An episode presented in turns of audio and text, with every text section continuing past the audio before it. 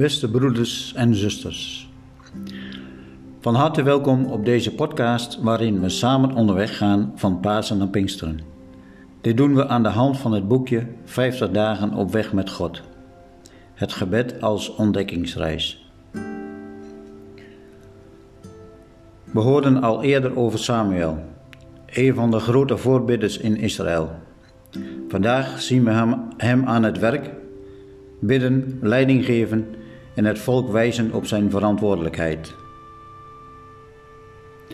Vandaag lezen we 1 Samuel 12 vanaf de versen 18 tot en met 25.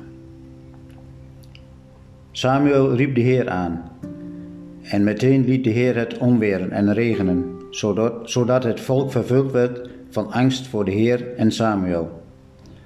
Ze vroegen Samuel, bid voor ons, uw dienaren, tot de Heer, uw God, dat we niet hoeven te sterven. Want we hebben al zoveel verkeerd gedaan en nu hebben we het nog erger gemaakt door om een koning te vragen. Ook al hebt u gezondigd, antwoordde Samuel, u hoeft niet bang te zijn, zolang u de Heer maar trouw blijft en hem met heel uw hart toegedaan bent. Dwaal niet af om achter iets aan te lopen dat niets oplevert en niets bevrijdt, omdat het niets is. Ter wille, van zijn grote naam zal de Heer zijn volk immers niet in de steek laten, want hij heeft zelf besloten om u tot zijn volk te maken. En hetzelfde geldt voor mij. Ook ik moet niet zondigen tegen de Heer, en ik moet zeker niet ophouden voor u te bidden en u het goede en rechte pad te wijzen. Dus heb ontzag voor de Heer en wees Hem oprecht, met hart en ziel toegewijd. U hebt immers zelf ervaren welke grote, grote daden Hij voor u heeft verricht. Maar als u volhardt in het kwaad, zal Hij met u en met uw koning gedaan zijn. Zal het met u, met u en uw koning gedaan zijn. En wees hem oprecht met hart en ziel toegewijd. 1 Samuel 12, vers 24. Eigen verantwoordelijkheid. Je kunt het gebed makkelijk gaan gebruiken om je verantwoordelijkheid af te schuiven. Zo kunnen de mensen in Israël diep in hun hart gedacht hebben. Samuel bidt voor ons, dat is zijn roeping. Dus hoeven wij ons niet zo druk meer te maken.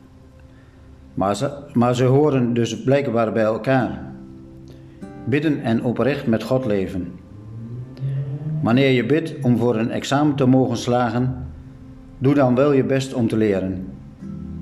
Als je God vraagt je te verlossen van je verslaving, klop dan wel aan bij de mensen en instanties die je kunnen helpen.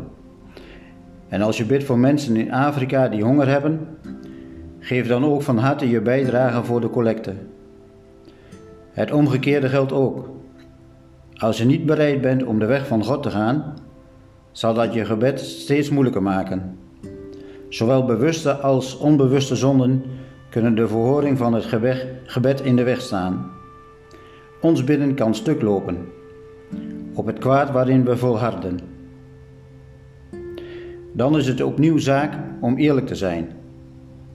Probeer biddend blokkades te ontdekken en op te heffen.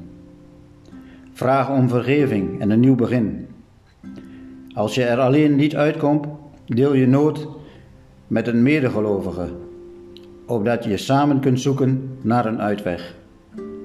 Wees hem met hart en ziel toegewijd. Dan zal hij je zeker verder helpen.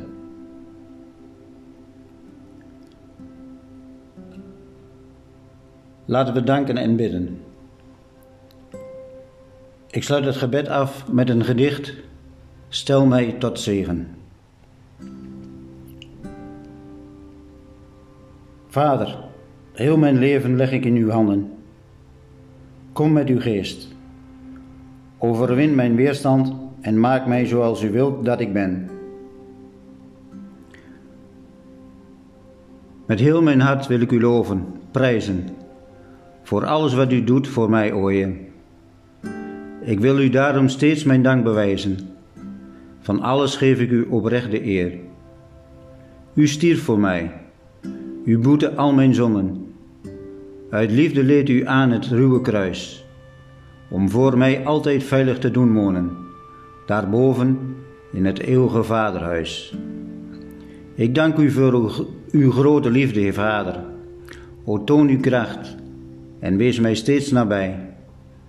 Vervul mij met uw geest en trek mij nader.